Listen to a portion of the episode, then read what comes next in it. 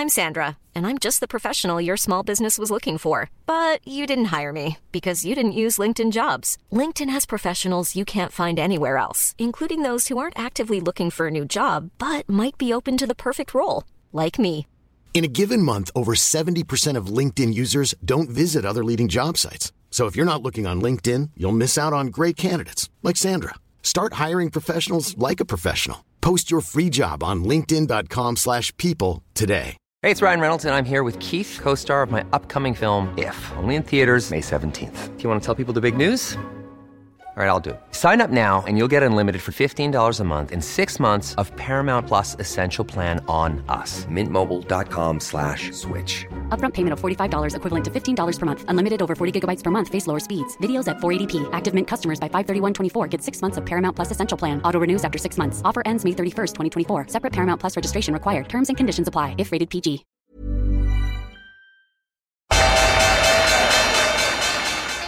They mistook leverage for genius. Leverage for genius. I would recommend Japan. The governments don't rule the world. Goldman Sachs rules the world. Velkommen til episode 106 av podkasten Tid er penger, en podkast med Peter Warren. Jeg heter Sverre og er produsent, og i dag eh, eh, skal vi touche inn på en par-tre tema her nå. Det er jo ganske åpenbare tema som slår seg ut, ettersom den siste uka har vært ganske volatil i ymse kryptovaluta. Eh, men det er liksom breaking news her også. Skal vi liksom Ja. starte på det 1MDB og Colonial Pipeline?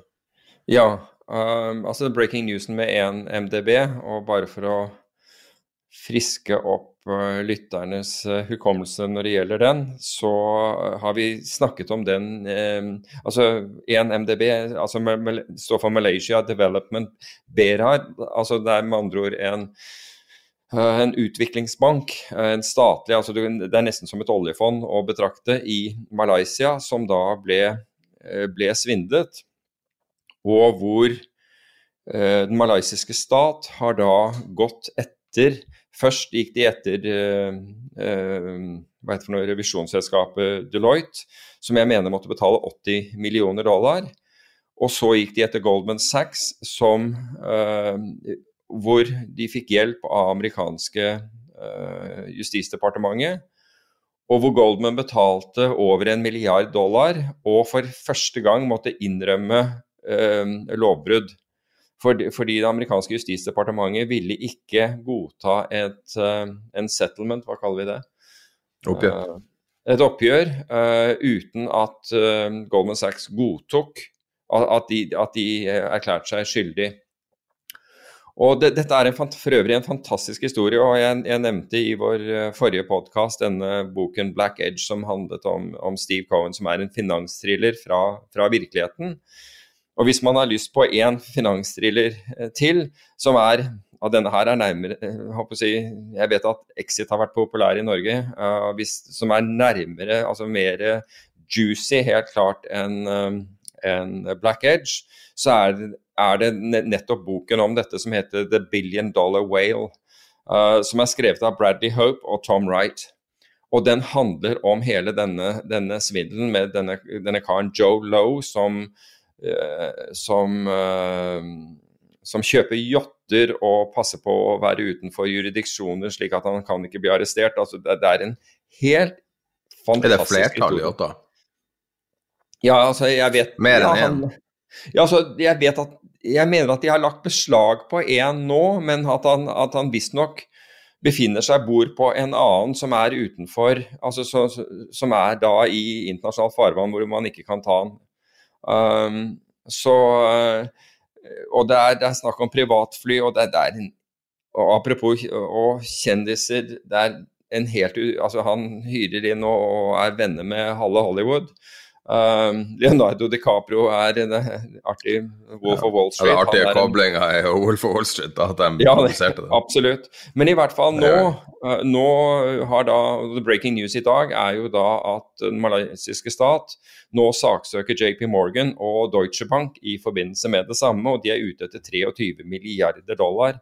um, som de, i, uh, som de mener at, uh, at de og andre skylder dem.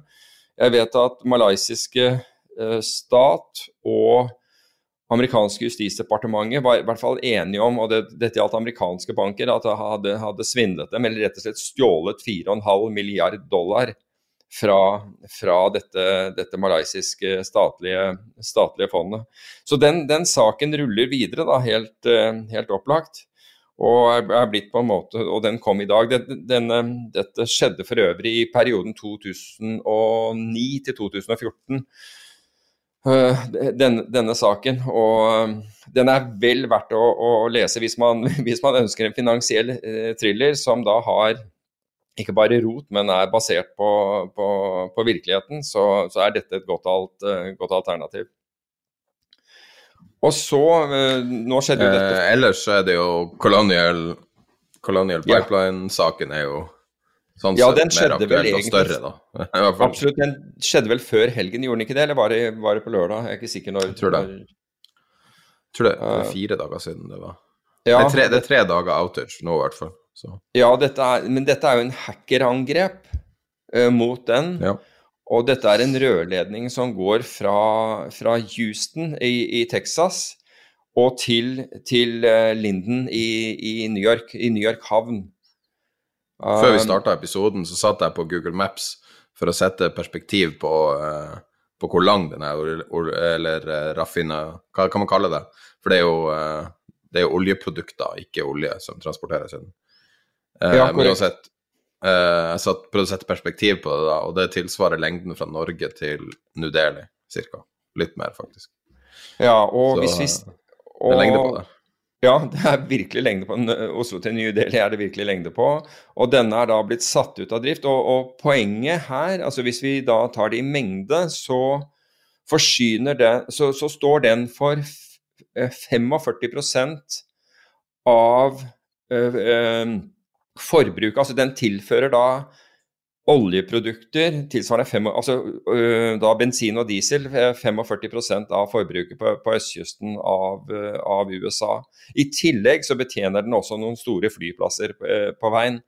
Så det er voldsomt. Og vi, vi tenker jo Vi snakker jo mye ja, vi, Sorry. Ja, ja vi, vi tenker jo ofte på og, og, folk spør stadig om hva er det som kan på en måte velte, eller få boblen til å sprekke. om, Så skal vi snakke litt om bobler etterpå, men, men hva er det som kan få markedene til å velte osv. Og, og, og mitt svar på, på, det er alltid at det, som regel vil det være noe vi ikke har tenkt på, og som, som kommer helt ut av på en måte intet. Det er selvfølgelig noen som har tenkt på det. Jeg, jeg var bare ikke smart nok. og og dette er jo et, et, sånt eksempel, fordi når du ser på konsekvensene av hvis du da kutter 45% av tilgangen på drivstoff, altså på fossilt drivstoff til den amerikanske østkysten, så har det åpenbart store konsekvenser. Og det at man er i stand til, at noen er i stand til å, å lamme et sånt nettverk gjennom et hackerangrep Nå, man, nå, nå vet jeg at de, USA påstår at russiske hackere har hacket inn i, i strømnettverk og andre ting tidligere, men det forteller om en sårbarhet. men det er ikke bare sårbarheten til den amerikanske infrastrukturen, men det er faktisk sårbarheten til økonomien og derved også til, til finansmarkedene. Det behøver ikke være det, det, kunne jo ha rammet Wall Street for den saks skyld. ja, men det gjør jo det. Men det gjør jo det. Altså indirekte. Vi, snak, vi snakker jo mye om inflasjon, men ja. uh, jeg syns bare Jeg bare tok en kjapp titt nå bare på å se på noen reaksjoner, og jeg synes, uh, han eh, finansbloggeren Zero Hedge hadde ganske bra oppsummering. Imagine being the head of IT at Colonial tonight. 150 million American Americans are about to be quite unhappy with you on Monday morning when they learn that their gas prices will jump by one dollar in five days because you didn't install a 2995 uh, antivirus program. og, uh, og, det er jo det at det her er jo Altså, det her er jo sånn uh, slags sånn uh, Hva man skal si adhoc-inflasjon. Uh, USA er jo supersensitiv på prisendringer i drivstoff. Og én ja, ja. uh, dollar opp per gallon er jo enormt for dem.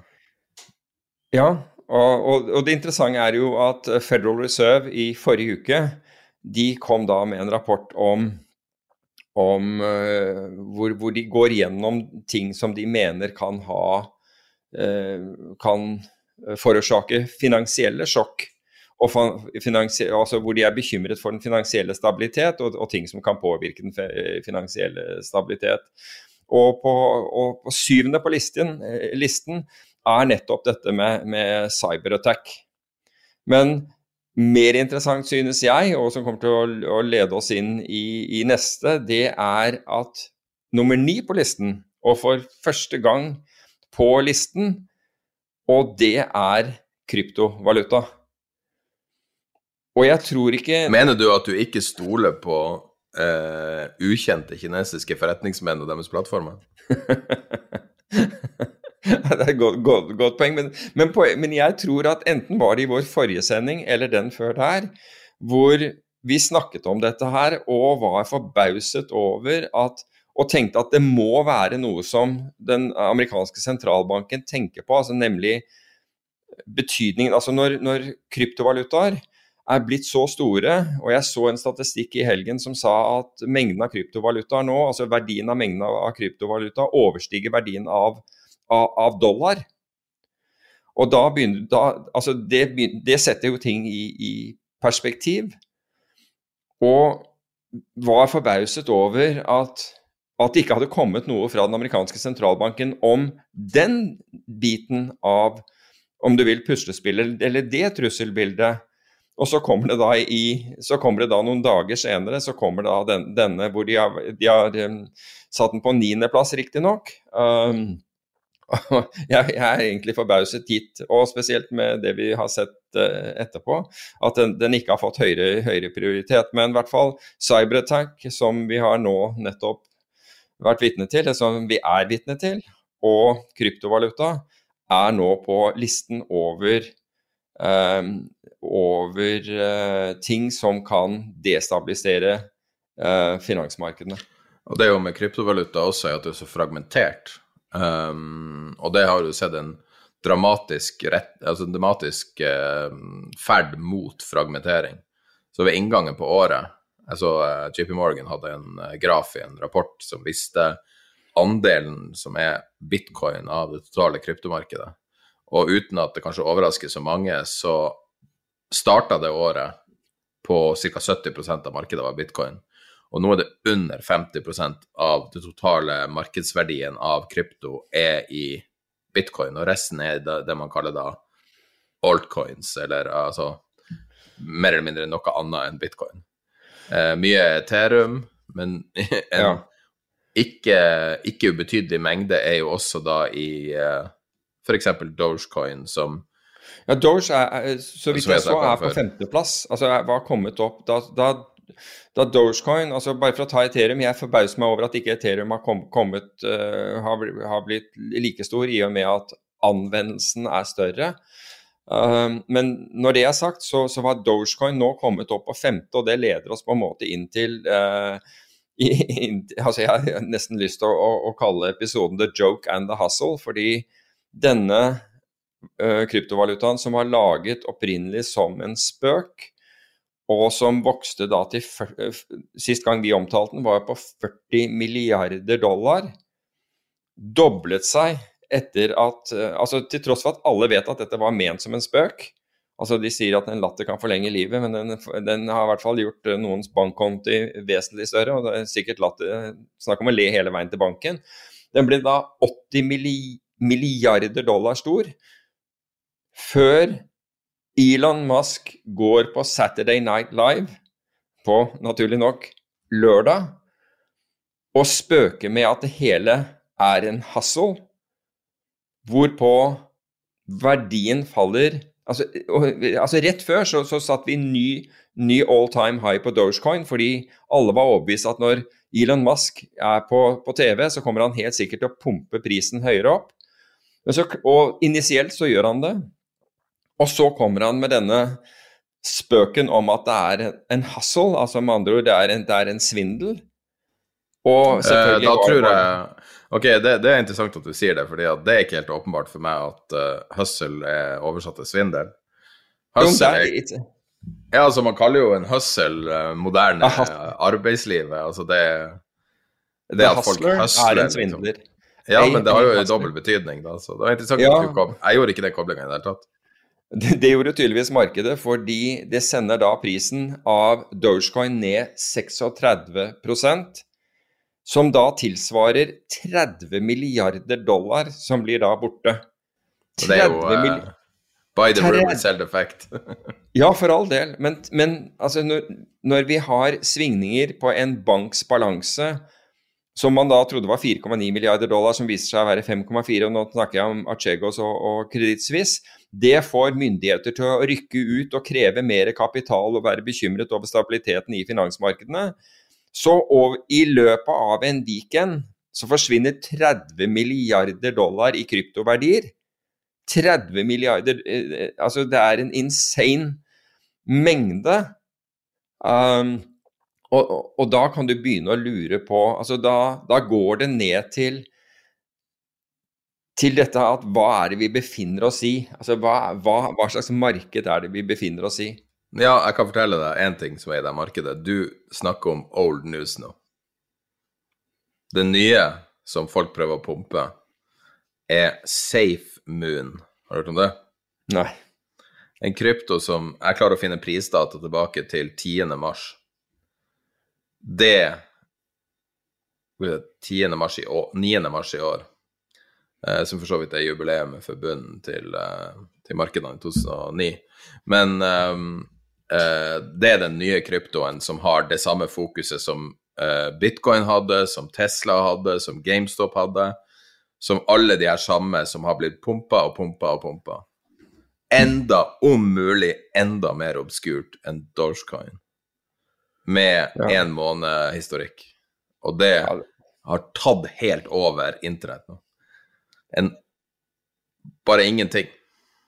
Det er, bare, det, er, det, er, altså det er, helt utrolig det, det, som skjer, og det er enda mer utrolig at ikke sanity begynner å slå inn hos folk og, og, tenke at hva er det som egentlig skjer her? Jeg sa for øvrig femte største at Dogecoin den er fjerde største, eller var fjerde største kryptovalutaen. Altså en spøk blir fjerde største kryptovaluta. Ja, Sånn går det når de legger det til i Robin Hood. Det er jo der det starta. For det var jo sånn folk kjøpte det. Ja da.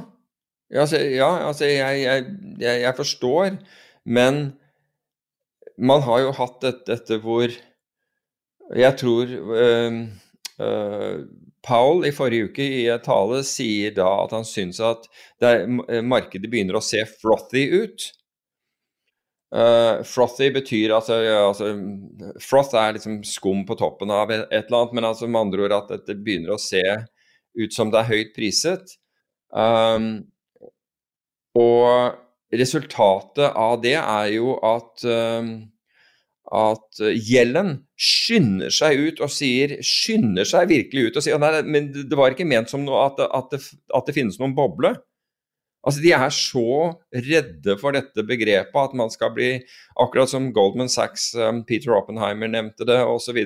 Han konkluderte også at det ikke var en, en boble. Men bare du sier det, er, så, så, ser de på en måte effekter av det. Og det må man ikke tro at noe som helst er. Og hvis du så, hvis ikke det her er frothy, hva er frothy, da? Er, ja, det lurer altså, hvis det ikke, på. Hvis ikke en internettvits ikke er frothy nok, at du må finne på en internettvits som er nesten en derivat av den her Altså ja, Hvis du må bare finne på penger, nye penger hvert, hvert, uh, hver måned, liksom. Men hvis vi, hvis vi, går og tenker litt på det som Altså, hva, hva, er, hva er, en boble? Jo, det er, boble er jo f.eks. hvis altså når verdsettelser ikke kan forsvares av verken verdi eller, eller inntjening. Altså Det er umulig å, å, å forsvare det, det, som skjer. Altså Når ting blir priset helt opp Når det fins Hva var det eh, Finansavisen skrev? At det var mange som hadde budsjett på 100 millioner til å kjøpe eiendom. Altså Nå snakker vi om private eiendom, vi snakker ikke om, uh, om uh, næring. Og én av tre husholdninger kan kjøpe, altså er i eiendomsmarkedet for, for, for eiendommer på 8 millioner kroner. Um, det er én ting. Så ser vi på innenfor uh, biler hvor Og dette er jo ikke første gang, men jeg har, har avsjekket det også nylig med, med, med bilselgere. Hvor unge mennesker, veldig unge mennesker kjøper biler fordi de er helt sikre på at de har ikke tenkt Og med så mye finansiering de kan, for de er sikre på at det fins noen, noen andre er villige til å kjøpe disse bilene av dem. Så de kommer ikke til å ha noe tap på dette. Hvis du ser på Norwegian og prisingen av Norwegian nå som vi vet emisjonen, og vi vet uh, du har emisjonen, altså nå har den gått X, og du vet hva du kan tegne for. Hva du kan tegne for og du vet på en måte strukturen, og til tross for det så handler den milevis over matematisk, eh, den matematiske verdien som denne utvanningen utgjør.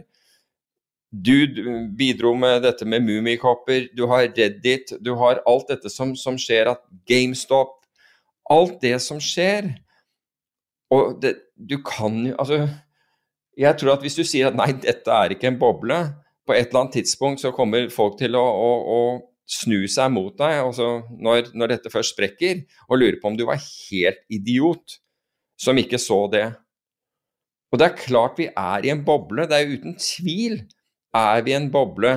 Når, og, du, du, leser om 20-åringer som går og kjøper massevis av boliger, for de, skal, de, de, pusser de opp og flipper de ut igjen. og alt dette. Det er ingen altså ingen tror at det er noe, noe risiko, men, men, hvorfor? Så er spørsmålet hvor, altså, hvorfor blir det sånn det, sånn som det blir? Hvordan kan det bli sånn? Og Det ene kriteriet er jo tilgang på penger. altså Med andre ord, likviditet er enkel å, å få fatt i. Det er det ene. altså du, det er altså, krav til, eh, til, til, å låne altså, Alt er blitt senket slik at hvem som helst kan egentlig låne. altså Enten så kan du stille selvfølgelig uh, sikkerhet i eiendom eller, eller, eller, annet, eller du kan bruke kredittkortet ditt i verste fall, eller få deg andre typer lån. Men det er fullt mulig å få, få sourcet penger, da. Og det andre er den vissheten som folk synes å ha, om at de kan ikke tape dem. Altså Nesten uansett hva de går og kjøper. fordi og jeg har snakket med, og de, og de viser da at ja, men han eller hun Ja, men se nå på forsida av DN, det står boligprisene skal stige 12% i året, eller hva det var de skrev. Skal. Okay. Skriv ja. Dagens Næringsliv. Ja. Altså, hvordan, hvorfor er ikke det er, et, det er sikkert et sitat fra, fra en eller annen, eller jeg håper det i hvert fall. Nei, nei, det var ikke et sitat. Okay. De skrev det som ei overskrift, ja. ikke Jo, og, og, altså, du kan si at Jeg, jeg vet ikke hva, hva, hva, recency bias heter på norsk, altså, men det er rett og slett når du er overbevist om at det som akkurat har skjedd, vil, vil, vil fortsette å skje, og som er egentlig en sånn mental svakhet. Fordi mennesket er slik. Men, altså, vår hjerne er konstruert slik at vi faktisk tror det. Og vi må kjempe mot den den svakheten, eh, defekten, om, om, du vil, i, i, i, hjernen for å motvirke det. Men som alle sier Når du snakker med folk, så sier de jo at Nei, jeg driver og Jeg, jeg, jeg syns det er så morsomt å leke, med, le, leke meg i aksjemarkedet. For altså, det blir jo penger av det hele tiden. og, og og hvis det går ned et, noen dager, ingen, så, så, sier jo alle at det er bare å sitte litt, så, så, så, går det opp igjen. Og det gjør jo det. Og det er klart at vi er kommet inn og, og det er jo et varsel overfor myndigheter, og jeg tenker både sentralbank, for så vidt finanstilsyn også, at når, når, det er blitt så lett å, å, å, få tak i penger, altså det er så lett å, å låne, og og kombinasjonen av det og, og, og, og, denne hjernefeilen vi har, om du vil, så bør man begynne å sette seg opp i stolen og tenke hva er det vi skal gjøre for å få folk til å roe dette ned. Fordi dette ender i tårer, og det er det så mange som har Altså de som har vært med på runder av dette tidligere, og det har vært runder, det har bare ikke vært en på siden, siden 2008, eh, de vet at på et eller annet tidspunkt så lukker dette gapet mellom galskap og, og fornuft seg. Og, da, og, det, og, og, når det skjer, så Det kommer til å skje med tårer. Men det er en sånn interessant dynamikk som har utspilt seg nå. Jeg har tenkt masse på det i det siste. For å forstå litt sånn de strømningene som skjer, fordi at du får uh, du får liksom andre karakterer og andre personer dukke opp. Så jeg tenkte litt tilbake på dotcom og på uh, finanskrisa og, og, og 90-tallet og 80-tallet, for så vidt. Og det interessante er at i sånne bobler, så Eller i hvert fall i oppbygginga, så har du en tendens til å få helt nye helter. Uh, mm. Så jeg husker når uh, Om det var i boka The Quants, tror jeg, der han snakker om at uh, du hadde den klassiske, klassiske Wall Street-brokeren som um, Det de kaller B BSD, hvor du googler det sjøl, og som på en måte alltid har rula med høyest inntekter, høyest inntekter til bedriften og til seg sjøl. Og, og, så var det en sånn vridning der plutselig nerdene, altså Quant, som hadde sittet der og, og vært stab, egentlig, i meglerhusene, plutselig blir utrolig viktig. Og plutselig får masse, masse makt. Og det samme skjedde jo når eh, bånddeskene på 80-tallet plutselig fikk masse, masse makt fordi at de brakte inn så mye penger. Og, og det du har sett nå, er at hvis du skal dra i kobling til liksom, sånn tidligere eh, folk som vokser, nye klasser som vokser opp, så er det når du ser at nå er det plutselig dem som klarer å kjenne igjen trender. Siden penger ikke betyr noe lenger, siden inntekter ikke betyr noe. altså Bitcoin har jo ingen grunnleggende verdi annet enn at folk sier at det har verdi. Så du kan ikke regne deg fram til noe som helst verdi av bitcoin. Og, kan, og du kan ikke regne deg fram til en, en reell verdsettelse av uh, de fleste av de store selskapene, kanskje mer enn noen Tesla men, men, like gjerne Norwegian, og like gjerne hvem som helst andre. Så, så å regne på, på inntekter, det er ingen som bryr seg om. Men det er mm. popularitet som virker å være den store eh, valutaen nå som har bygd seg opp, altså valuta veldig anførselstegn, da. Um, og, og, en ting jeg har merka meg, er at utrolig mange kjendiser, folk som er pornoskuespillere og rockestjerner og sånn ymse helt sånne underlige folk som blir slags sånne influensere i, i den her, enten det er GameStop eller det er bitcoin og Dogecoin og, og alle de her andre tingene, så dukker det opp Og Specs. Ja, ikke minst Specs. Du har jo han uh, Shamat som fra å være relativt obskur, selv om han var rik fra uh, å jobbe var tidlig ansatt i, i Facebook, så, så, kommer han mer eller mindre fra out of nowhere og blir nummer én person som blir sitert, og alle er så stor fan av Shamat. Og, og han er jo, han er jo en, nesten en snake oil salesman i hele det her med spekk. Men så ser du at popularitet, det å forstå popularitet akkurat nå og de siste la oss si, fem månedene, eller kanskje år, siste året, virker å være en av de store assetene for analytikere. Å forstå hva som, hva som er en trend jeg bare syns det er fascinerende at, at, det er en helt annen egenskap og helt andre vinnere. Totalt uventa vinnere. Og dem som vinner minst, er jo dem som sitter med regneark nå. Mm. For dem som sitter med regneark, og dem som sitter og faktisk ser på tallene, de har kanskje 3% eller 5% i årlig avkastning. Og de her folkene her, de snakker, er ikke interessert i noe hvis du ikke hundredobler pengene dine. Nei, altså jeg syns jo på en måte det er demokratiserende på en måte, så jeg syns at, at det, er, det, er, noe positivt ved det også. At ikke det er de samme som, uh, samme som uh, henter gevinstene i, i, hver eneste sykkel, og at ting er litt annerledes. Det betyr ikke at jeg på noen som helst måte forsvarer de verdsettelsene og det som foregår i øyeblikket, men jeg syns det er noe litt befriende at det er ikke Eh, det er ikke nødvendig de finansielle nerdene som, som come out ahead uh, hver eneste gang. Altså de som, de, de som alltid tjener penger, er meglerhusene. Men, um, men, men investormassen uh, forandrer seg. Og jeg tror jo at det, at det delvis er, er sunt, fordi hvis man går tilbake i tid, hvis man ikke hadde fått, fått, fått forandring og endring og vært villig til å se på nye ting, så, så, hadde vi ikke kommet så langt. Og du nevnte bitcoin innledningsvis, og det er jo ikke Og verdien, eller eventuelt den ikke-verdien av, av, bitcoin, men det er jo ikke Altså det er jo litt som internett. Altså Internett Inc. Uh, ble, aldri noe, ble aldri noe suksess, altså, fordi det var jo ikke noe selskap som eide internett heller, eh, for den saks skyld. Men det er Men internett ikke ble en suksess? Jo, altså internett ble en suksess, men det var ikke som, som et ett selskap liksom tok Nei. av på det. Det var de selskapene som kunne utnytte den teknologien, som ble til suksesser. Ja, altså samme- protokollene var open source, men uh, Ja, ja, nettopp.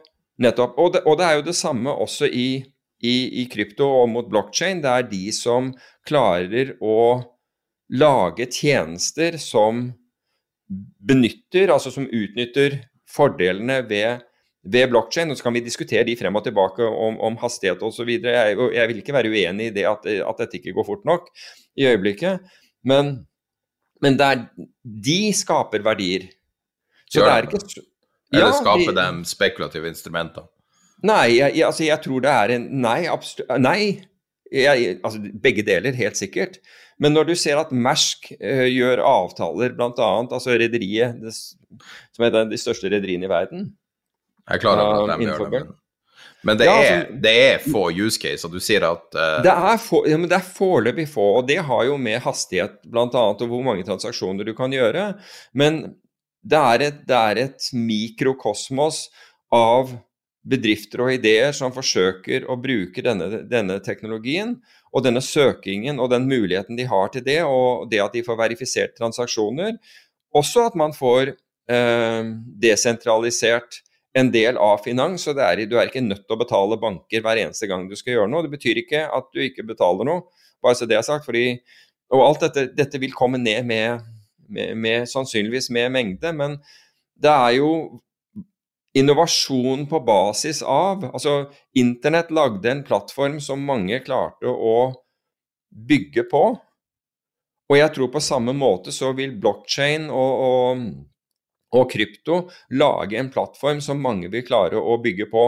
Løser det alle verdens problemer? Ganske sikkert ikke. Løser det noen? Er helt overbevist om at, at de gjør, fordi så stor uh, akseptgrad har dette fått. Og så, er det, og så er det å finne de som da faktisk gjør det. Og det er jo vanskelig på, på samme måte som da vi var i dotcom-boomen, så var det bortimot umulig å finne de, de enkeltselskapene og de enkeltideene som, vil være, som, som ville være det som ledet ut ifra eh, det. Og kanskje minst av alt som finansanalytiker analytiker, så du de mulighetene. Og da er det jo igjen tilbake til det du sier, at det er en helt ny gruppe uh, som Ja, altså som akkurat her og nå. Altså, jeg, jeg tror ikke det blir å vare spesielt lenge, men akkurat i sekundet, i øyeblikket, så er det dem som har vist seg historisk sett å, å, å leve Altså, jeg tror det er, en, det er ikke en tilfeldighet at du har kjente mennesker på Twitter som plutselig blir eh, slags eh, influensere for ymse, veldig, veldig randome investeringsobjekter som alle er basert på null grunnleggende verdi. Nei, Men jeg har et spørsmål til deg, bare for å eh, så, Jeg kom til å tenke på det når du, når du nevnte eh, flere, flere av de aspektene. Hvordan selskap tror du eh, opphører som selskap sist av Goldman Sachs, Google og Apple? opphører sist. Uh, Altså, Uhyre få selskaper som lever mer enn 50 år. ja, altså jeg, Hadde jeg ikke sett Goldman Sachs evne til tilpasning over tid, så ville jeg ha sagt dem. Men Goldman Sachs har en enorm evne til å tilpasse seg, og det ser du også bl.a. ved resultatene deres. Ja, det betyr at de Så- lever lengst. Jeg vet ikke om de, de lever lengst, fordi jeg sier jo ikke at de, at de andre ikke kan, kan tilpasse seg, men, men som sagt, jeg, jeg ville ha trodd at noen fra den gamle økonomien ikke kunne gjøre det, men det har vist seg altså, og, det, og de, sa jo Darwin også, det var ikke den raskeste eller den sterkeste eh, som, som overlevde, men det var den som hadde den største tilpasningsevnen. Så hvilke av disse er det som har den største tilpasningsevnen, og hvilken har den dårligste? Det vil, det vil jo på en måte være svaret, og jeg vet ikke. Men jeg, jeg hadde på, på forhånd så hadde jeg vel vært, hatt tilbøyelighet til å, å ta den som kom fra den gamle økonomien og si at den kommer ikke til å gjøre det, men, den, men akkurat i dette tilfellet så har de vist seg å, å klare av, av alle stormer. Og ikke minst det, altså nå i det siste så ser du jo at de nå tilbyr eh, produkter inn, innenfor krypto og har liksom Det er ikke en stor del av virksomheten deres, men den er stor nok til at uh, til at den får oppmerksomhet. Og vet du hvor den, hvor den sitter i Goldman Sachs? Det er jo faktisk litt interessant. Vet du hvor den sitter? Nei. Den sitter midt i valutaområdet. Så når vi snakker om kryptovaluta, så, er, så har de i hvert fall og, mange diskuterer at det er ikke en valuta osv. Og, så videre, og vi har jo også snakket om det. Jeg tror heller ikke at, det er et, eh, at den kommer til å overta for dollar eller, eller noen av de store valutaene. Men at det er mer et, eh, et sted å oppbevare verdier. Riktignok et volatilt sted. Men Goldman Sachs har valgt, valgt å, å, plassere det midt inn i, i valutadealingrommene sine. Det syns jeg er interessant i seg selv. Ja, det er det. Nei, for det er jo Men det, har du merka at vi har snakka mindre og mindre om aksjemarkedet? Vi har snakka mindre og mindre de siste par ukene. Eh, kanskje tre eller, fire, tre eller fire siste episodene. Og det er liksom, altså Vi blir jo litt sånn offer av det samme at uh, at det er ikke så interessant å snakke om uh, f.eks. et makroøkonomisk tall når du har eh, titalls milliarder dollar som strømmer inn i noe helt nytt, crazy, med en eller annen idiotisk uh, uh, hook som, kan, som, er så lett å snakke om, og historiefortelling og Sad Night Live og gud vet. Altså, jo, men, jo, det, er, det, er, interessant at selv vi som, som er kanskje skeptiske til det her, lar oss rive med som alle andre. Jo, jeg tror det er en delforklaring det du gir der, fordi denne her andre får uh, mer oppmerksomhet. Men samtidig og tilbake til de, det vi, vi, snakket om innledningsvis, så har dette fått større, et større og større volum, slik at det kan forsvares med det. Og det kan også forsvares i forhold til at makroøkonomi og disse andre tingene har jo ikke spilt en rolle. Det har jo ikke spilt en rolle på altså Siden man begynte å manipulere finansmarkedene, så kan du si at makroøkonomi, med lite unntak av, av 2020, hvor liksom det, du plutselig så hvor gærent det kunne være. Og arbeidsledigheten Apropos det, så var det en ganske interessant eh, arbeidsledighetstall, hvis du klarer å minne meg på det etterpå, som, som kom på fredag fra USA. Men, men, og, og, men la meg gå til det eksempelet. Altså, i, på, i, på, fredag eh, så, så, kom det veldig dårlige eh, arbeidsmarkedstall fra USA. Og den umiddelbare reaksjonen er at markedet selger ned. Brått selger ned, for å så bråsnu og gå til bortimot all time highs. Det er sikkert noen av indeksene som gikk til, eh, til, til all time highs. Hvorfor? Jo, for det, det betyr at myndighetene kommer til å måtte tro, I hvert fall det er, det er den generelle diskursen og oppfatningen. Pumpe inn enda mer penger. Da må de i hvert fall pumpe inn mer penger. Og Derfor så betyr ikke makro noe. Det, det, er jo det er egentlig svar, altså det er svaret på spørsmålet ditt hvorfor vi ikke sitter og diskuterer makro, fordi who cares? At the end of the day så handler ikke dette her om makro, det handler bare om hvor mye er sentralbanker villige til å trykke penger og pumpe de inn i finansmarkedene for, for, å, for å holde de i gang. Nå pumpes det jo, skal når sant sies, og, eh, også penger inn i realøkonomien i USA via infrastruktur og via disse sjekkene som, som deles ut, og det er, det er positivt.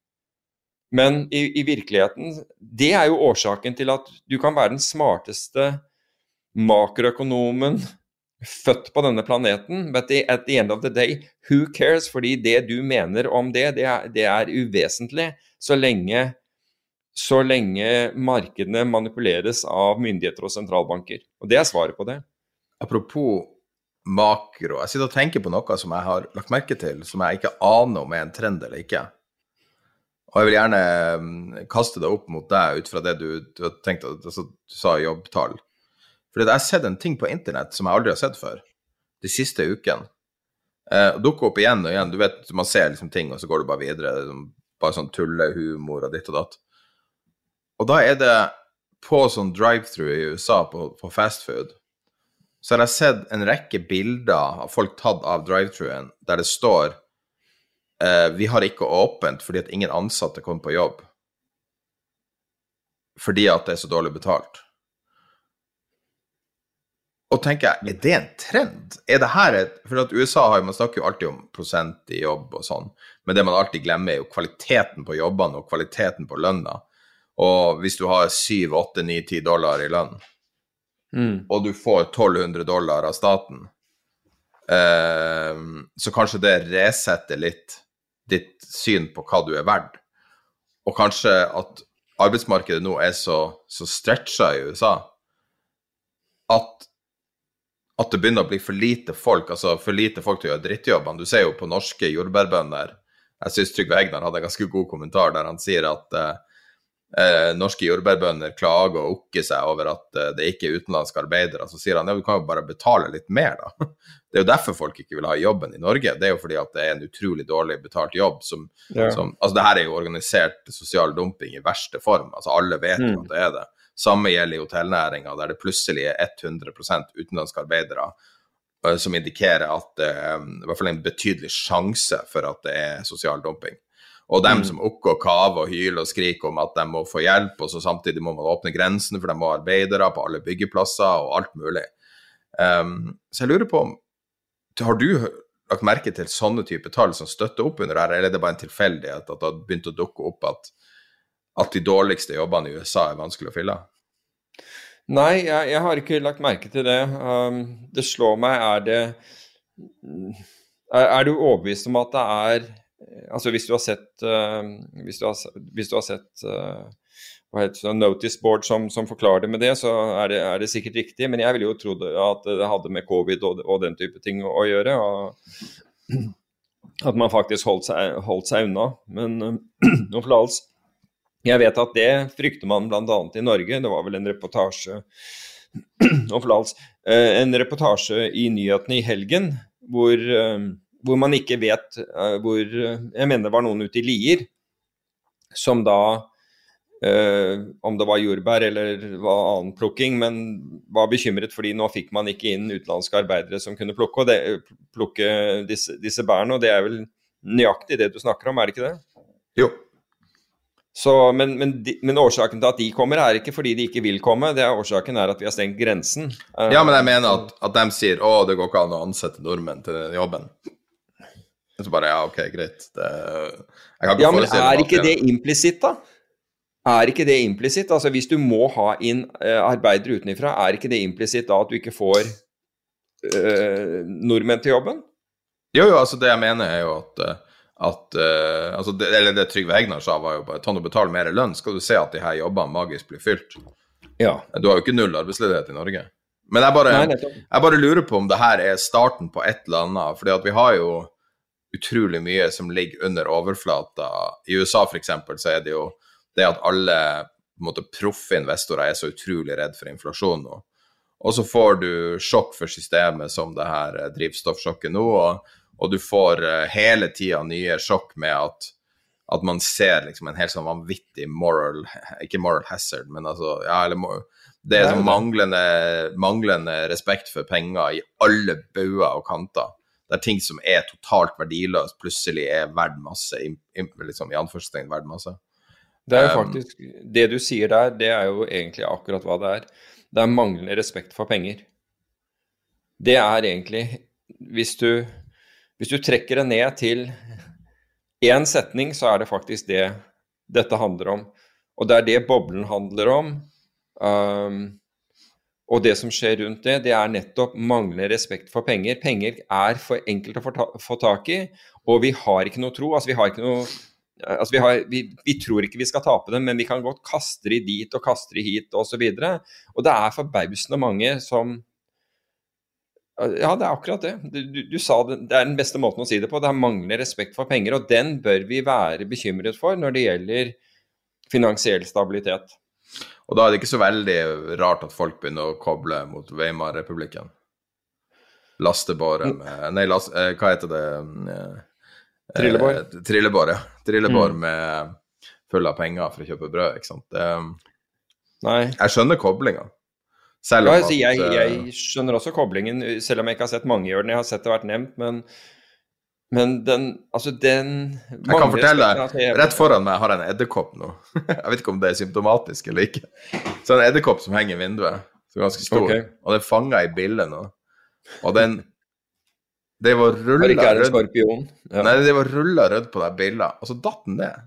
Så var det interessant. Jeg, aldri, jeg trodde edderkopper var den effektive drapsmaskiner, men akkurat Ja. den her var ikke det.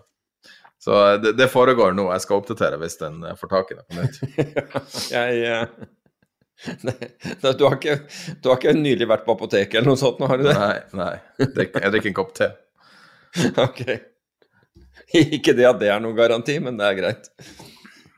Nei, men, uh, men altså, vi, vi, snakker jo om boble og boble hele tida, og det er liksom uh, jo, jo, men poenget Det blir liksom Man går i samme fotspor, men, men det her er jo et grunnleggende skifte. Eh, og folk prøver å forsvare sine verdsettelser, altså sine eh, porteføljer, og, og prøver å si at nei, men krypto det er noe annet fordi at det kom det er use case, og der har du en implisitt verdi, og, og, du har digitalt gull og alt sånt. Men når alt kommer til alt, så, så er det veldig, veldig mye ting nå som forutsetter tro. Og når du ser det, og nå har jo den der uh, Cathy Wood-saken med, med ARK og um, Archegos-koblinga har jo blitt ytterligere Jeg vet ikke om du har sett at det har fått ytterligere Ja, for Bill Wang hadde, hadde fundet noen av ETF-ene hennes? Nei, det var, vi snakka jo om at han var en slags mentor for henne. Ja, altså, men han, han, har jo fundet et par av de ETF-ene i utgangspunktet. ja, altså han, sid, han sida den opprinnelige ARK-ETF-en, som, som nå er så stor at den, kan, eh, at den kanskje driver hele markedet til en viss grad.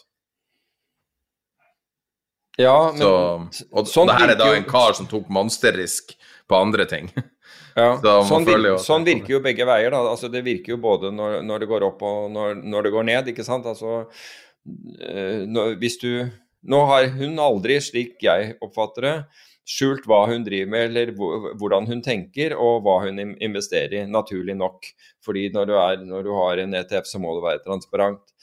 Og det vil jo bety at når dette fondet blir større og større og større, så, og hun skal plassere midlene, så vil jo etter hvert hun begynne å påvirke kursene helt opplagt på de selskapene hun investerer i. Men det vil også, altså det skjer når hun kjøper, men det vil også skje dersom hun får innløsninger, og hun har fått veldig høye innløsninger. Det var vel seks dager på rad hvor, hvor med de høyeste innløsninger, altså over en seks dagers periode, som det fondet noen gang har hatt. Og da må hun ut og justere ned den porteføljen eh, tilsvarende, fordi det er ikke en belånt portefølje, hun kan ikke eh, oppta, oppta giring. Ehm, så, så, det slår jo på en måte, måte, ut begge veier. Og vi ser jo det, vi ser det i markedet, og vi har advart om dette ved en rekke anledninger, er at markedene er utrolig tynne.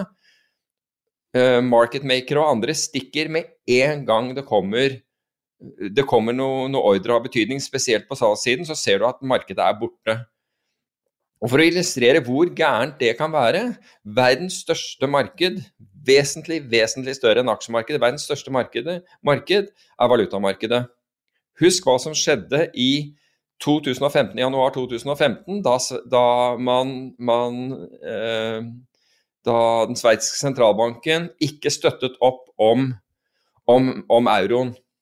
Altså holdt eh, sveitserfrangen svak og, og, og euroen sterk da fikk det enorme konsekvenser. Det fantes jo ikke kjøpere i markedet, de ble borte umiddelbart.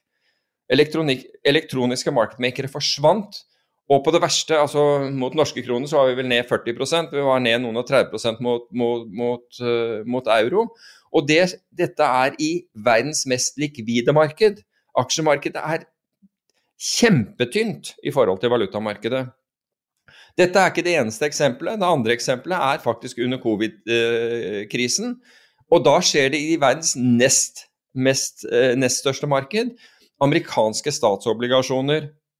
Kjøperne forsvinner. Altså elektroniske, de bare de skrur av maskinene, og det blir enorme svingninger. Så med en gang du trenger den likviditeten, så kan du ikke stole på at den er der. Og folk tar ikke det med i betraktningen når de tenker på risiko.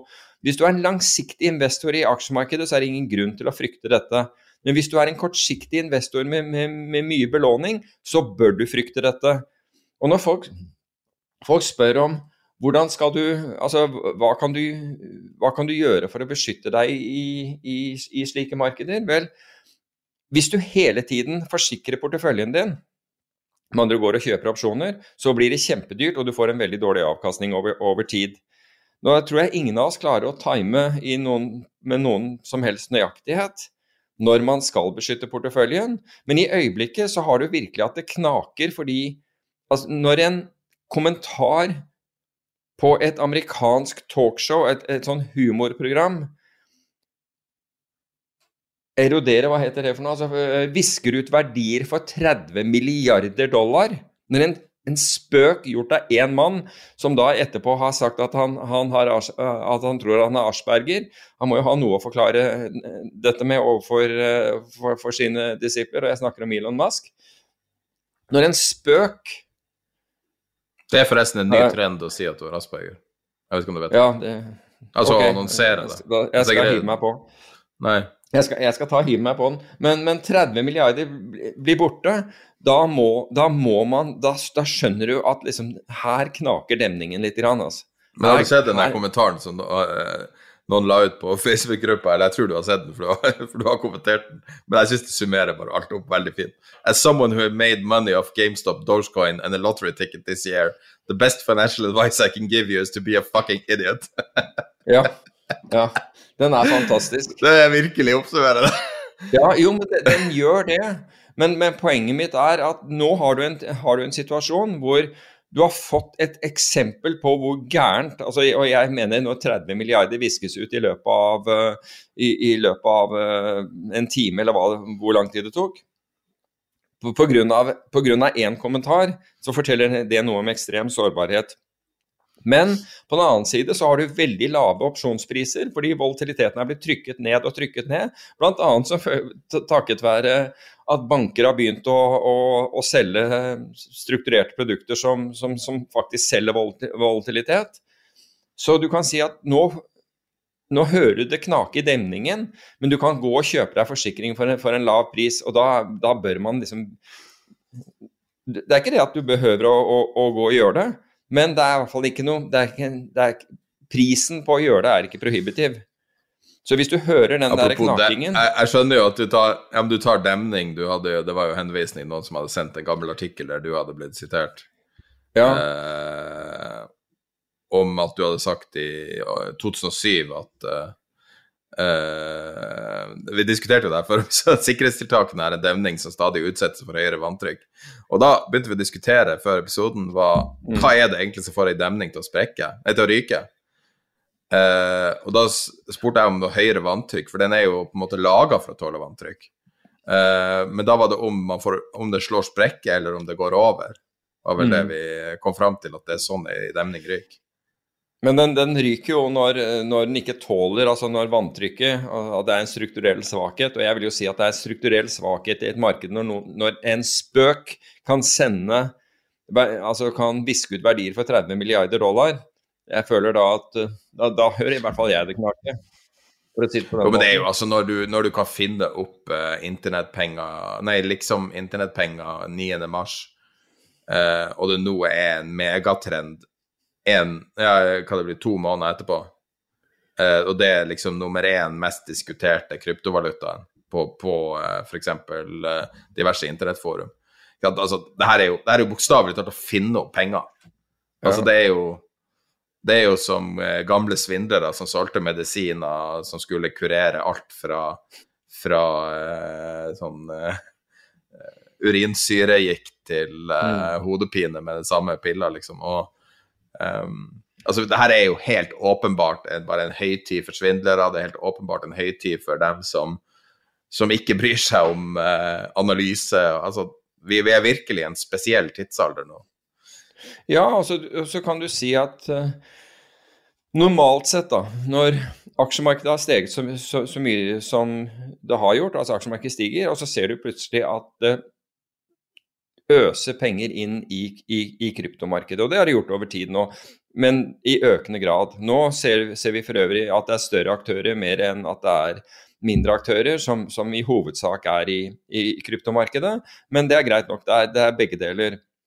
Men så kan du si hvordan kan det da ha seg? Altså Siden pengemengden på en måte er, er gitt, altså hvis vi bare tar det som, som, et, som et utgangspunkt, hvordan kan det da være at aksjemarkedet fortsetter i omtrent samme takt, til tross for at penger nå er, har gått til kryptomarkedet? Det, altså, hvordan kan det være? Du har jo ikke doblet, doblet pengemengden. Jo, på en måte så har du gjort det, fordi belåningen av aksjer har gått opp, så folk låner penger på aksjene sine, eller låner penger til å kjøpe aksjer. Så det er ikke slik at de selger i aksjemarkedet for å kjøpe krypto. De bare belåner deler av den porteføljen de har i aksjemarkedet for å putte over i krypto. Greit nok. Og i helt uregulerte markeder også. Ja, men så lenge begge deler, deler Uregulerte stiger, så... kinesiske markeder.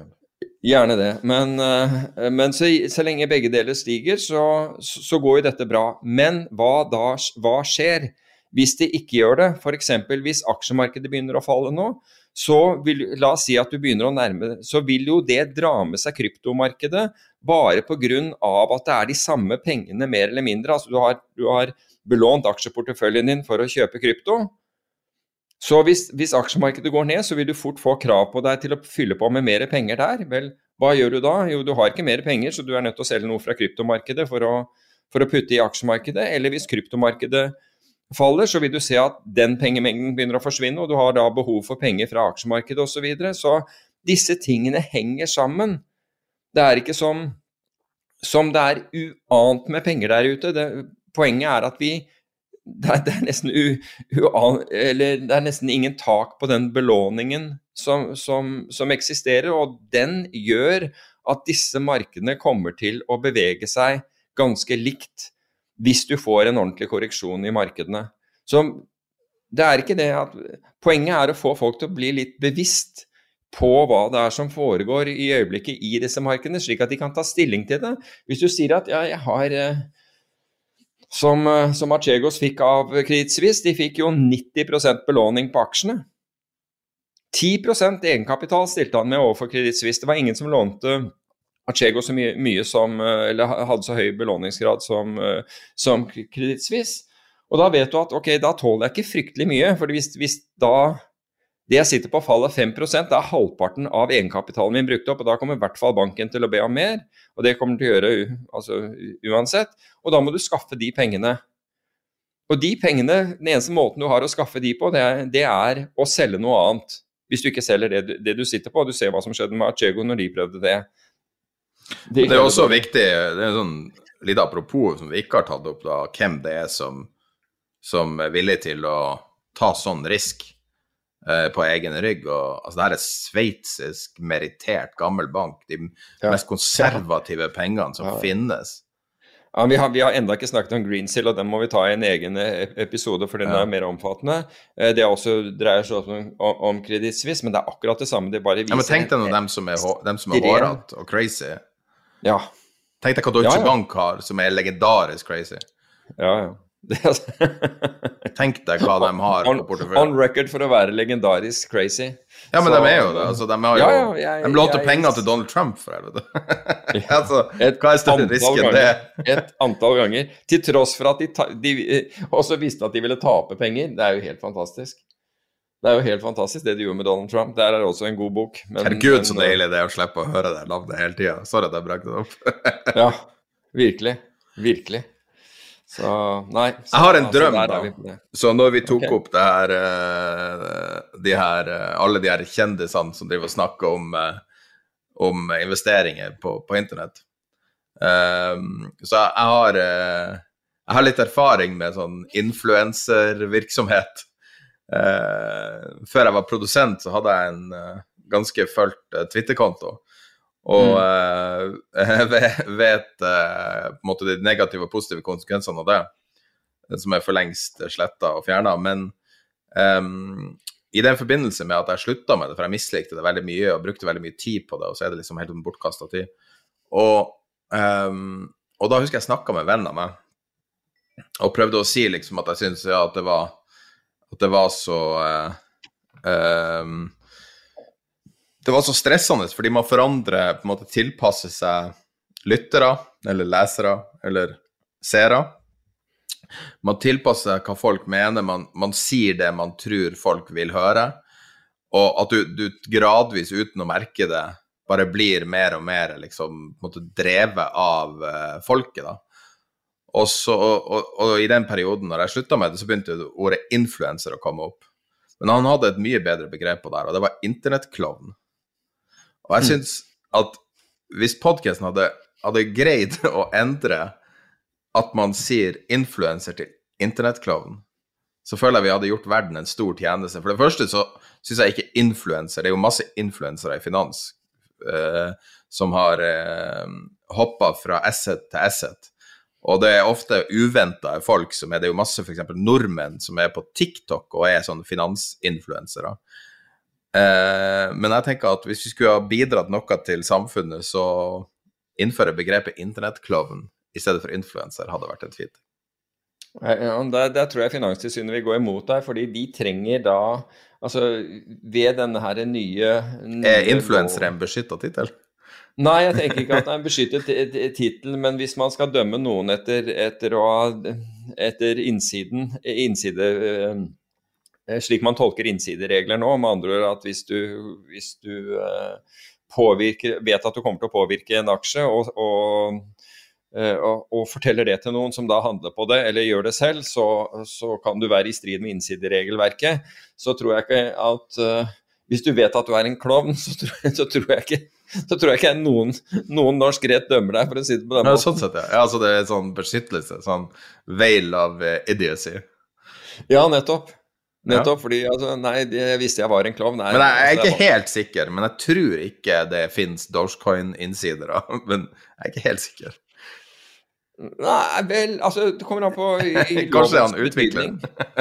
Ja, altså jeg vil jo si at uh, hvis, eh, hvis Musk visste hva han skulle si, at han skulle Altså det for å solgte på forhånd, så eh, vil jeg jo si at det der nye regelverket som jeg, jeg vet ikke om det er eh, om det er et EU-regelverk, men om det også gjelder i USA, er langt på vei til å, til, til å, til å være innsidehandel. Hvis han gjorde det. Det er ingenting som tyder på at han har, i hvert fall ikke som jeg har sett, som tyder på at han har eh, at han solgte i forkant, men, eller om han sitter på Dogecoin i det hele tatt, for alt jeg vet. Ja, selvfølgelig gjør han Men- det. Altså, du bruker jo ikke så Ja, det, det kan godt gjøre, men, men dersom han gjorde det i forkant, så vil jeg jo si at det var ganske eh, Det var ganske uh, grovt. Ja. Uh, skal vi se her um, Vi har uh, litt tid igjen nå, har ikke så all verdens Ja. mye tid igjen. Ehm, jeg hadde fått lytterspørsmål om ehm, i forbindelse med det man kaller alfa, altså meravkastning, Ja. eh, som er ofte sånn hedgefond, og oljefondet for så vidt, eh, måler seg. Eh, avkastning over markedet, da. Hva du Ja. genererer sjøl. Og så var det en lytter som spurte om det kan forklares med skjult halerisiko. Ja, Eh, altså hans, nettopp altså det hedgefondene kaller alfa, altså som de, de hevder at de har alfa, altså meravkastning, kan det, dette, dette var spørsmålet, kan det forklares med skjult halerisiko? Er den så fall verdt å, å, å betale for? Og de fleste sånn litt sånn kvantitative type spørsmål, det prøver jeg, det, det, besvarer jeg ofte på Discord eller på, på, på Facebook. Men dette syns jeg var var interessant. Jeg stoppet litt opp når, når jeg så spørsmålet. Altså med andre ord Er det vesentlige av hedgefondavkastning skjult risiko, rett og slett? Altså det er at f.eks. alle disse arbitrasjestrategiene de vil jo lide dersom du får det vi kaller halerisikos kraftige bevegelser, vil jo de tape penger. Og jeg har sett, jeg, så etterpå på, på, de alle, på de forskjellige hedgefondstrategiene, inkludert long short og, alle, og, og mye og mange forskjellige. Og jeg vil jo være faktisk enig i at de aller fleste av dem, aller fleste er, er eh, eksponert mot halerisiko. Eh, og det gjelder oppkjøps... Alle arbitrasjestrategiene er, uh, er, uh, er eksponert mot halerisiko. Unntaket er, er bl.a. trendfølgeren osv., makro for så vidt også. Men jeg er faktisk enig i det. og at mye, jeg tror mye kan forklares med at de tar en risiko som er, som er ofte skjult for, for, for investorene, enten gjennom narrativ, eller hvor investorene ikke helt forstår at, vi, at, hvis det blir store bevegelser, så kommer jeg til å tape penger på, på, på, denne strategien. Når det gjelder om den er verdt å betale for, så vil jeg jo si at det kommer an på hvor god den forvalteren er til å håndtere risiko. Det er noen, det er, noen, eh, det er helt opplagt en hel haug av forvaltere som tjener pengene sine på å utstede opsjoner. Og da må de være råraske hvis noe skjer, for, for, å, for, å, dekke den risikoen. Så hvis du er i stand til å kontrollere risikoen, så kan det være verdt å betale for. Men det er et godt spørsmål, og noe man egentlig burde tenke på når man investerer i hedgefond, er om det er den type halerisiko, og i tilfelle hvor god er den forvalteren til å, til å håndtere det. Så jeg syns det der var et veldig godt spørsmål som jeg umiddelbart liksom følte, følte meg litt truffet av. Så måtte jeg tenke på måtte jeg gå igjennom og tenke på har vedkommende rett i, i, i, dette her, og i hvilke tilfeller gjelder det. Og Jeg syns det var et godt spørsmål. og, og Konklusjonen min er at ja, jeg tror det er um, At det kan, det kan, forklares med skjult halerisiko. Uh, men jeg er ikke men, Og at den noen ganger er verdt å betale for. Men generelt så er jeg ikke sikker på at den er verdt å betale for nettopp pga. den halerisikoen. Det får bli svaret på den. Ja. Det skal vi ta. Vi har noen få eh, litt oppdatering etter vi hadde crowdfunding. Eh, diskusjon i, uh, i forrige episode.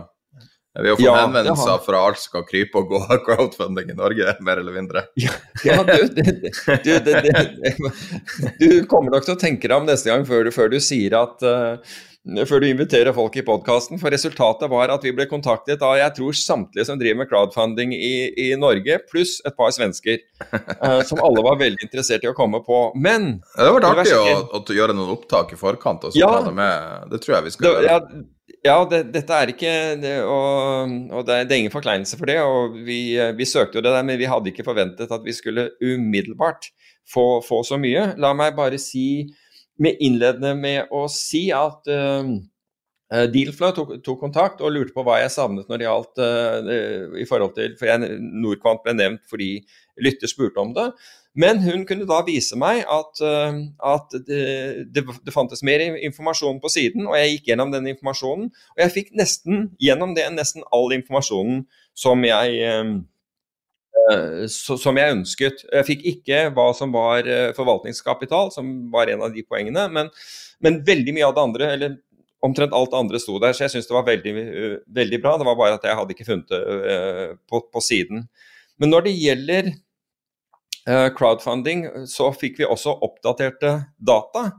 Og det er at i Q1 så så har altså Q1 i år så har eh, da dette økt I forhold til Q1 i 2020 så har crowdfunding økt med 172 De har en 172 vekst uh, i, i, Q1 i forhold til Q2. Så, og de, de, jeg mener at de har over 50% altså, av hele fjoråret er, eh, er allerede hentet inn i, i, Q1. Så det er tydelig at dette her er, er veldig er i, i vinden for, for tiden. Folk um, liker jo ting som er risky med store avkastningspotensialer, så det overrasker meg ikke et sekund. Nei, men, men du kan si Og, og 57 uh, går til eiendom. Mm. Og 16,4 går til donasjoner, faktisk. Du var inne mm. på dette med donasjon. Men 57% går, går, til, um, går til eiendomsfinansiering. Og så var det en som, som svarte meg på, for vi hadde da Eller jeg tror det var du som påpekte det at du skjønte ikke at folk lånte til så høy rente når det var eiendom, for de kunne låne i bank til mye rimeligere. Og da var det en som kom på jeg tror det var Discord eller noe sånt, og sa at veldig mye av dette er, er, er, er byggelån. Og sa at eh, altså dersom det skulle gå noe galt med bygge, byggingen, og viste da til denne boligen som har vært i, eh, i media i Kristin, i Kristin Lundveien i Oslo, som da medførte det, dette drapet.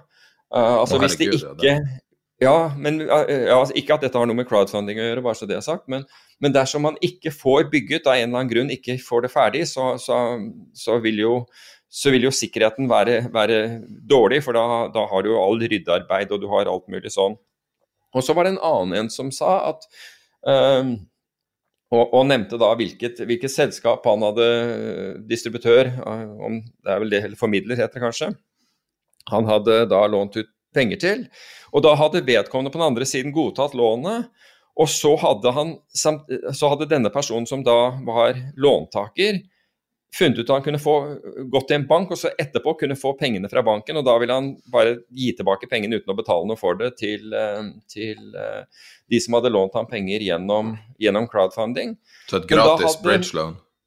Ja, rett og slett. Og, men da hadde formidleren tatt saken til retten, og de ble gjort whole. Så da hadde uh, altså crowdfunding-selskapet stått opp og gjort jobben altså 100% for, for, for sine investorer. Så, ja. så, det var liksom gladsak i, i, forbindelse med det også. Men jeg tenkte vi eh, på helhetlig så kan vi ha, um, gjøre noen intervjuer med dem, uh, om det er i løpet av de neste ukene eller når. Så vi kan la dem komme til orde og forklare litt forretningsideen til hver enkelt på et par minutter. Da blir det artig. For, ja, det, for, det, er ikke helt ja. klart for meg i detalj. Nei, det, altså, det, tro meg, de er villige. Jeg har fått navn og alt mulig. Jeg vil, ikke plage deg i uken som var, men vi, vi har Ja, jeg har flere. Jeg fikk flere henvendelser direkte. Altså, det, det, har, har hagla på. Uh, ja.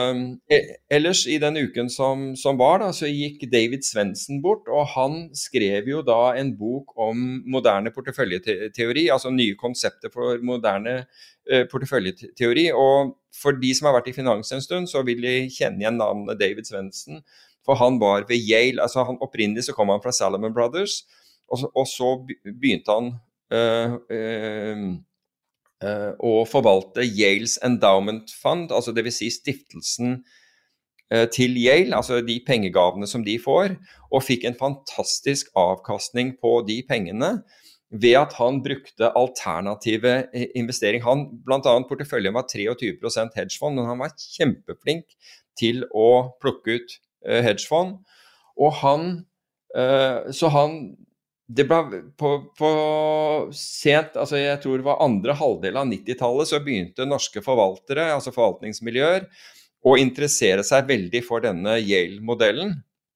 Og David Svendsen altså han hadde en avkastning som var altså jeg tror den var noe sånn som over tid Han hadde litt over 12% men jeg 12 var det 12,4 eller 12,5% avkastning i annualisert avkastning, altså annualisert over 30 år. Så det er jo helt fantastisk. Han hadde helt fantastisk avkastning, og han, da, eh, han plasserte penger i private equity, i venture, i, um, i, i hedgefond, som jeg nevnte, i, i, eiendom og forskjellige ting. Det var, altså Du hadde aksjeeksponering gjennom selvfølgelig gjennom venture og gjennom uh, private equity, men lite gjennom vanlig, uh, vanlig aksjefond. Og det var jo den modellen som veldig, veldig mange ønsket å, da, å, å følge. Og han var da Altså, han holdt uh, han, han, foreleste også ved, ved, Yale, og han holdt sin siste forelesning faktisk to dager før han døde. Til tross for at han var syk. Så, uh, og han ble 67, han ble 67 år, år gammel.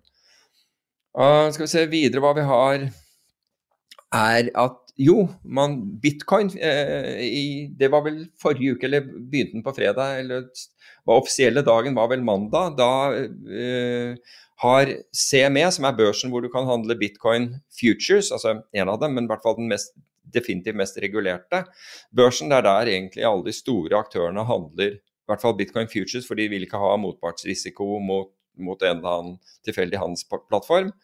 Nå har de introdusert mini-futures, og den er da en tiendedel av en bitcoin. Så hvis du sier at bitcoin er røftlig 60 000 dollar, så er kontrakten her da cirka, verdt ca. 6000 dollar. Så det er en tiendedel av en bitcoin. Og det ble på åpningsdagen den tredje mest handlede kontrakten som CME har introdusert noensinne. Mini SMP står fremdeles på den første, på førsteplass, men eh, bitcoin er da på, på, på tredje. Uh, og, og det, er, eh, det, er, imponerende i seg selv. Men det er jo det bitcoin, det er, det bitcoin er best til. Spekulere. Ja, altså nå, men du kan si at nå for, det du kan gjøre her, er spekulere på pris uten at du har motpartsrisiko. absolutt, men altså det underliggende er jo bitcoin. Det underliggende er bitcoin, absolutt. Og, og abs garantert. Den forrige kontrakten som de introduserte, og det var i, i 2018 Uh, husker ikke var det april 2018 eller en eller annen gang hvor, hvor, den kontrakten Den består av fem bitcoin, så den er da naturlig ganske svær ikke sant? Når, når vi har 60 000 dollar per, per, bitcoin. Og fordi dette er så volatilt, så har du jo også en, en høy, et høyere marginkrav enn du har på andre ting. Men det betyr Men at. Det betyr at uh, bitcoin har uh, på, Altså, det som fortsatt er ulovlig å handle i futures-markedet, er jo løk-futures pga. den spekulasjonsbølgen som var det var 60- okay. eller 70-tallet. Uh, fordi at det ble for spekulativt. Men tydeligvis er bitcoin ikke det. da. Så løk ulovlig, bitcoin lovlig. det, det, det, det, er sikkert noe mer kvalifisering rundt det der enn det, som er åpenbart, men, men ja. Uh, ellers så var det interessant, altså i forbindelse med det så så, så, kom jeg over en artikkel hvor faktisk noen av de ansatte i Nordea hadde gått i sak. Dette var i Danmark mot det der at Nordea nektet ansatte å, å eie bitcoin. Og de tapte faktisk den, den, den, saken i Danmark. Det, var vel gjort i 2019 eller hva det er for noe. Men, i, men det fikk meg til å da sjekke altså, hvordan har det gått med Nordea kontra, kontra, bitcoin fra dette forbudet. Og Det var i januar i, i 2018 hvor Nordea la ned et forbud. og Hvis du har da sittet på Nordea-aksjer siden det, så har du tapt ca. 25% av pengene dine. Hadde du isteden kjøpt bitcoin, da var bitcoin rett i underkant av 14 000 eh, dollar, så har du 307% eller over 300% avkastning på pengene dine. Så jeg skjønner, jeg skjønner at, at, noen der borte er litt sure. Men Og forresten, jeg må bare si det heter, det heter Onion Futures Act. Jeg måtte bare dobbeltsjekke at det fortsatt var aktuelt. The Onion Futures Act, ja. 1955 var det to. En egen lov. Sam Siegel og Vincent uh, Kosuga som cornera Onion-markedet, altså løkmarkedet i uh, Chicago, og innførte en egen lov på Chicago Mercantile Exchange. Uh, og den um, Uh, og, og, i 2010 så ble uh, Box Office Futures, altså veddemål for hvordan det går med uh, filminntektene til filmer, ble lagt inn i den, for den hadde også blitt cornera. Yes. Men det er, fortsatt, det er, fortsatt, en lov. Så, så fil filmrettigheter og, Nei, ikke filmrettigheter. Box Office-resultater og løk ulovlig fordi at det er for spekulativt. Okay. Men ja, ja. bitcoin er ikke det. bitcoin er bare Der kan du bare kjøre. Men det er også interessant da, i og med at uh, jeg tror både Nordea og, og, og DNB har utmerket seg ved at de ikke vil behandle med Eller ikke gjøre business med, med folk som har med Eh, som, eh, som, driver med kryptovaluta, fordi de er usikre på hvor opphavet til disse er. Og nå har da, I tillegg til JP Morgan har nå Citibank også begynt med, med, med bitcoin. Er, Citibank er den største aktøren i valutamarkedet, så nå begynner jo disse bankene å få få de kan handle med, tenker jeg. Altså Nå begynner det virkelig å, å, å snevre inn der ute, hvis de, hvis de holder seg til den. Vi snakket jo om HSBC som uh, som hvitvasket narko, meksikanske narkokartellers penger. Så det, det, er ikke mange banker disse her gutta her kan, kan, kan eh, handle med nå. Så du, du, kommer til å få noen problemer med utenlandsoverførsler etter hvert. Ellers så Goldman Sachs da, har i tillegg til eh, har begynt å lage produkter på dette, bl.a.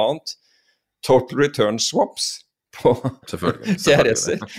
Ja, på, på, bitcoin. Altså Archego til tross, så har Goldman Sachs gjort det, fordi Goldman kom seg ut av det der uten at de, um, at de tapte penger. Men mer interessant, og helt avslutningsvis når det gjaldt akkurat det med, med krypto, er jo at Goldman Sachs sin prime brokerage-bok, altså det er penger som de låner ut til, til hedgefond, altså finansiering av hedgefond, den er rekord altså den belåningen er på både gross og nett, altså med andre ord gross-posisjon til hedgefond, da det er eh, short-posisjoner og long-posisjoner slått, slått, sammen. Så du kan si at å låne på, på gross er, er, mindre risikabel enn du låner på, på, nett, som er retningen den boken tar. Altså f.eks. hvis du er nett short eller nett long. Um, men i hvert fall begge deler er, er, er i ny rekord. Og Det er jo interessant i disse dager hvor vi nettopp snakket om, uh, om at det knaker litt i demninger, og at belåningen er høy og penger er lett å få tak i osv. Så, videre. så det er interessant uh, det også. Og så helt til slutt da, så har jo da Norwegian hatt en veldig vellykket pengeinnhenting. Og der er der har Alexander Munch Tore vært den som har på en måte stått for den. Han har jo vært i mange meglerhus tidligere på, på, på corporate-siden, og jeg mener også at han jobbet for, for Kistefoss. Men han prioriterte da eh, tre eller fire virkelig solide institusjonelle investorer, istedenfor å gi pengene til til sånne som flipper de ut med en gang det har gått en dag, dag eller to etterpå. Og, og, har visst da ifølge Finansavisen blitt møtt med masse kritikk pga. det. Men jeg må jo si at den forrige emisjonen den var kritikkverdig nettopp fordi man prioriterte ikke langsiktige investorer i et selskap, Norwegian, som da virkelig trengte solide, langsiktige investorer. Og jeg er veldig glad for å se at det er de langsiktige investorene, får vi håpe at de alle er det, som er blitt prioritert i denne gangen. Denne gangen så all, all ære til han. Vet du hvor mange emisjoner Arne, Arne Fred, sorry. Vet du hvor mange emisjoner Arne Fredli har vært med i? Jeg har ingen, ingen idé. Ta gjett. Ta et tall. Nei, jeg har ikke peiling. Altså, jeg, jeg leser ikke ja, Men tenk deg en emisjon er ganske sjelden begivenhet, egentlig. Og han, ja, ikke når det gjelder Euronex, da. Der har jo spruta med emisjoner. Men ta, ta si et tall. Ja, hvor mange har Euronex hatt, da? Så ta, så tar du, så ta, ta bort 10% eller noe sånt. Jeg leste det for en tre-fire år. Over 5000. Jesus. Akkurat. Jeg lurer på om han er langsiktig på noe. Altså, ja. ja, er han ikke langsiktig? Altså, det er ikke noe kritikk av han altså, hvis han får tildeling, så vær så god, ta det. Ja, altså De gjør ikke noe galt, de, de som gjør det. Jeg vil jo si at tildelingen er det som har vært galt, fordi du har prioritert investorer som du vet ikke har til hensikt å bli den der aksjen, men bare har tenkt å dumpe aksjen umiddelbart de, så fort de får en gevinst. At de som får den gavepakken, tar den imot, skulle bare mangle. Det, altså, sånn er kapitalisme. Uh, så det, det, det, fullstendig forstår jeg. Men, jeg, men all kred til Alex Munch uh, Tore i dette tilfellet for å ha prioritert solide investorer, fordi jeg tror soliditet både på den fronten og på, på, når det gjelder økonomi, er hva Norwegian trenger hvis de skal ha håp om å overleve. Supert. Men da tror jeg kanskje vi er ved veis ende med episoden her. Yep. Eh, da er vi ferdig med nummer 106. Jeg satt og venta på at du hadde et eller annet finurlighet på 106. Nei, det er noe som heter F105, det glemte jeg. Er det... Men eh, det er vel et jagerfly. Vel, jeg husker ikke hva F-106 er, om det var en Saber eller Super Saber eller et eller annet sånt. Jeg kan ta feil. Men uh, 100, 105 Men 106 vet jeg ikke. Ja, det er ikke det Peugeot, er ikke noe som heter Peugeot 106? Jo, det, er, det er, jo, det tror jeg faktisk det er. vi tar det. Yes. Nei, men supert. Men da er vi tilbake om uh, ei uke med en ny episode av Tid er penger. Uh, du kan besøke tiderpenger.no. Uh, der finner du live chat, du finner live, live nyheter. Uh, bare gå i menyen, så ser du alle de tingene. Vi har noe som heter leselisten. Det blir vel en uke og en dag, vel? Muligens. Er det ikke 17. mai neste mandag? Ja. Opp til deg om du vil gjøre det da eller ikke. Ok, we'll see. Jeg er ikke så we'll veldig see. festiv av meg, så okay. Nei, men uh, besøk sida.